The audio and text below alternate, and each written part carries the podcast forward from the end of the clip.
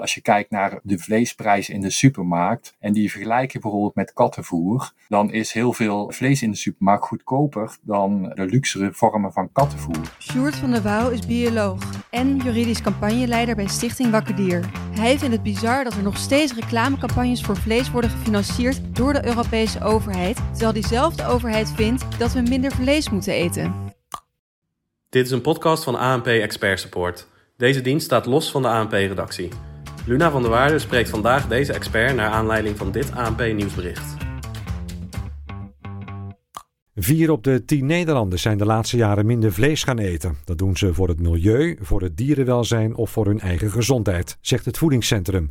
Maar we vinden het wel lastig om te minderen, want vlees is lang een vast onderdeel van de maaltijd geweest, zeggen de onderzoekers.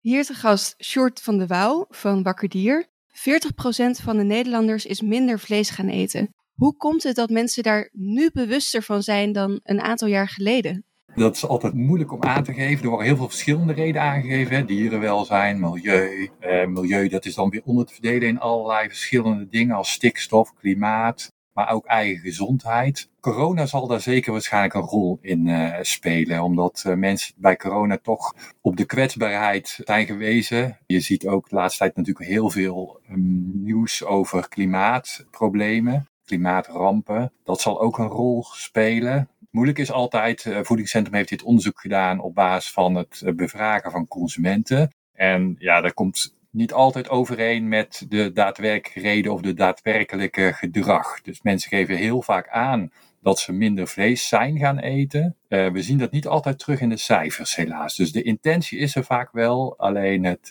vlees is zwak, zal ik maar zeggen. Ja, want je zegt het, we zien het niet altijd terug in de cijfers. En het totale verbruik van vlees per hoofd van de bevolking in Nederland daalt niet. Hoe kan dat dan? Ja, dat is uh, uh, een goede vraag. De Wageningen Universiteit doet altijd elk jaar voor Stichting Wakker Dier onderzoek naar die vleesconsumptie. Die zagen wel dat het van 2009, toen er een soort piek was in vleesconsumptie, wel langzaam is gedaald tot 2018. En toen leek het weer licht te zijn gestegen, ook in 2019. Dus wij zijn heel benieuwd naar de cijfers van 2020 die nog niet bekend zijn en natuurlijk van dit jaar. Ja, we hopen dat het toch weer is gaan dalen. En er zijn ook wel signalen over, hè? onder andere dit onderzoek van het voedingscentrum, maar ook andere signalen. Dus we hopen echt al dat die daling die we vanaf 2009 zien, toch weer uh, terug in gaat zetten. En je noemde net ook al eventjes dat een uh, reden ervoor dat mensen minder vlees zijn gaan eten, uh, corona kan zijn, maar ook de natuurrampen van afgelopen tijd. Wat moet er verder gebeuren om ja, dat getal omlaag te krijgen? Um, ja, er, zijn eigenlijk uh, verschillende mogelijkheden. Dus je ziet, de overheid heeft natuurlijk een belangrijke rol hierin. Dus uh, bijvoorbeeld Europa financiert nog steeds reclamecampagnes voor vlees, terwijl het officiële standpunt wel is dat wij minder vlees moeten gaan eten. Ja, dan kun je niet ondertussen reclamecampagnes voor vlees subsidiëren. Dat is heel krom, dus daar moeten ze mee stoppen bijvoorbeeld. Je zou ook, ook kunnen denken aan een, een vleesheffing. Dus je ziet nou eigenlijk dat van elke kilo vlees een paar euro schade aan de natuur bijvoorbeeld veroorzaakt. Nou, zou je dat niet in het vlees, in de vleesprijs zelf terug moeten stoppen via een uh, vleesheffing? Dus dan wordt vlees iets duurder, dan de vervuiler betaalt uh, krijg je dan eigenlijk. Maar je ziet dat niet alleen van de overheid hoeft af te komen. Je kunt ook denken aan supermarkten die hebben beloofd om mee te werken aan het stimuleren van vaker plantaardig eten. En je ziet eigenlijk dat ze in de praktijk het tegenovergestelde doen. Dus uh, je ziet rond de zomer dat ze enorm barbecue-pakketten lopen te promoten. Uh, je ziet bij elke nationale feestdag dat ze gourmetten lopen te promoten. Je ziet natuurlijk aan het kilo knallen dat uh, ze heel veel vleesconsumptie en vleesverkoop lopen te stimuleren. En je moet ook snappen waar het vandaan komt. Als je kijkt naar de vleesprijs in de supermarkt en die vergelijk je bijvoorbeeld met kattenvoer, dan is heel veel vlees in de supermarkt goedkoper dan de luxere vormen van kattenvoer. En dat is natuurlijk wel een vrij absurde situatie. En dan snap je ook beter waarom die, het naar beneden krijgen van die vleesconsumptie zo moeilijk is. Dus het ligt hier gewoon echt een rol bij de overheid en bij bedrijven. Ja, ik noem dan even supermarkten. Die hebben natuurlijk een belangrijke rol. Dat zijn de hoofdverkopers van vlees. Meeste vlees gaat via de supermarkt. Uh, maar je kunt ook denken natuurlijk aan de horeca. Daar zie je bijvoorbeeld hele goede initiatieven. Waar vroeger als je een keer geen vlees wil eten, dan moet je er echt naar zoeken en naar vragen van kan dit ook zonder vlees? En je ziet soms dat ze het nu omkeren. Dat ze zeggen de standaard maaltijd eh, is zonder vlees, maar je kunt er ook vlees bij vragen als je wil. En je ziet dan dat heel veel mensen dat prima vinden. Die gaan dan gewoon de standaard maaltijd zonder vlees nemen. Dus je hebt nog wel die keuzemogelijkheid om vlees te nemen, maar heel veel mensen stappen daar dan toch vanaf. Wat moet er verder op Europees niveau veranderen? Europa, daar is, daar is heel veel gaande. Dus je ziet een uh, omslag in uh, farm to fork, heet dat dan, uh, beleid. Maar ook rondom dierenwelzijn. Dat er heel veel ambities zijn om dat helemaal om te gooien. Dus veel meer biologische landbouw. Dus dat is milieuvriendelijker en diervriendelijker. En veel meer plantaardig stimuleren. En nog enorm veel dierenleed in Europa in die vee-industrie. Dat willen ze wel aanpakken. Alleen de vleeslobby is gewoon heel sterk. Dus eh, om een voorbeeld te noemen, vorig jaar stond in een conceptversie van de Europese Commissie nog dat ze die subsidies voor vleesreclames, uh, dat ze daarmee wilden stoppen. En uh, die werd er in de uiteindelijke versie toch uitgehaald. Uh, sterker nog, ze gingen juist zeggen dat ze vlees gingen subsidiëren, maar dan de dier- of milieuvriendelijkere vormen van vlees.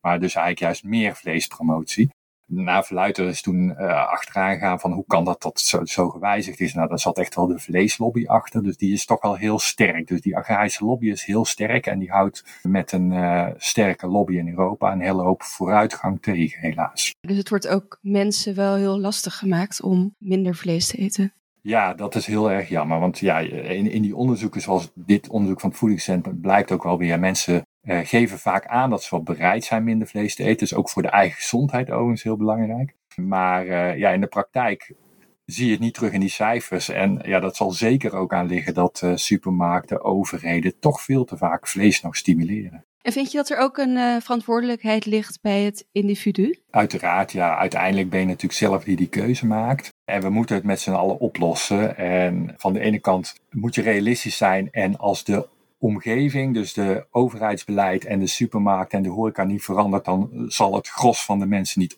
om overgaan, overschakelen.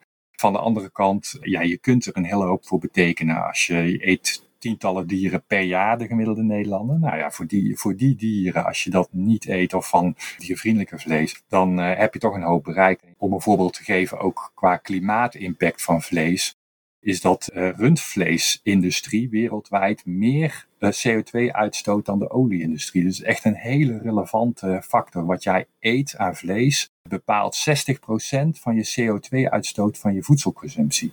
Dus vlees is echt, als je iets wil doen aan het klimaat, echt een hele belangrijke. Het wordt natuurlijk mensen wel heel erg lastig gemaakt. Wat je net zegt, dat de supermarkten in de zomer barbecues daar reclame voor maken. Of rondom kerst de gourmet stellen. Dan zou er toch wel op uh, hoger niveau echt iets moeten veranderen.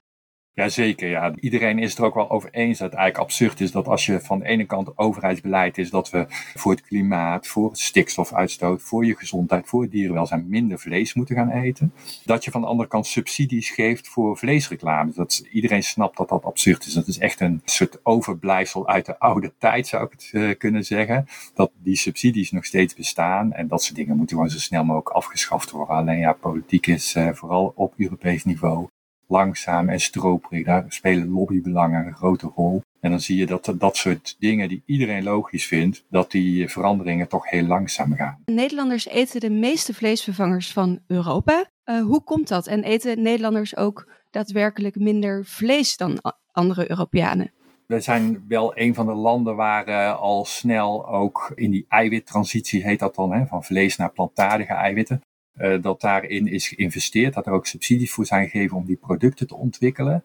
Bekend voorbeeld is natuurlijk bijvoorbeeld de vegetarische slagen, die ook in andere landen nou uh, aan de weg timmert. Maar er zijn nog veel meer voorbeelden van Nederlandse bedrijven. En dat, dat is ook het mooie, dat zou de ambitie kunnen zijn. We zijn eigenlijk een soort uh, afgelopen decennia grondlegger van de wereldwijde vee-industrie geweest, helaas. Dus als je bijvoorbeeld in Afrika komt, dan is Wageningen Universiteit vaak bekender dan Amsterdam. Dat komt omdat er gewoon heel veel uh, agrarische kennis om vee-industrie op te zetten en op te bouwen is geëxporteerd vanuit Nederland naar andere landen. Dat is een beetje een schandvlek, vindt Wakkerdier natuurlijk.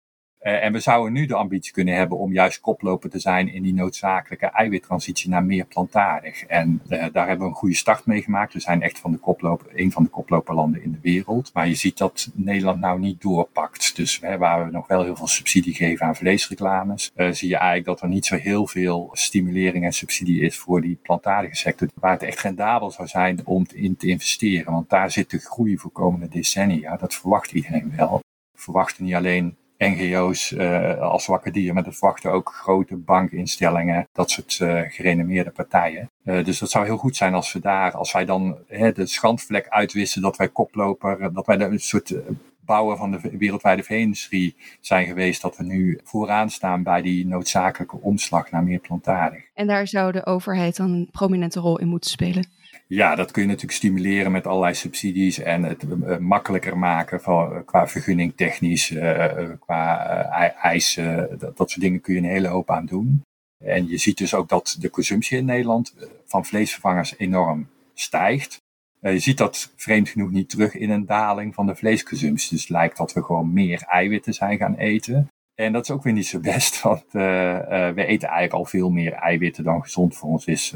meer eten van vleesvervangers zou eigenlijk moeten leiden tot minder vleesconsumptie. Waar moet je nou op letten als je in de supermarkt loopt en je denkt, nou, ik kan toch echt niet zonder dat ene stukje vlees?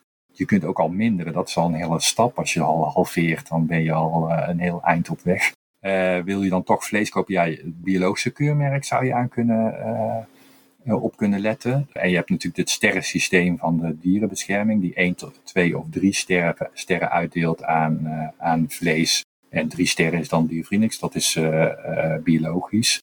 En 1 is dan iets beter dan vee-industrie. En 2 is min of meer scharrel, twee sterren van het Beter Leven keurmerk. Waar je als consument heel makkelijk een, een, keuze qua diervriendelijkheid kunt maken. Dankjewel. Graag gedaan. Deze en andere experts staan in de database van ANP Expert Support. Ga voor meer informatie naar anp.nl/slash expertcast. Dit is een podcast van ANP Expert Support.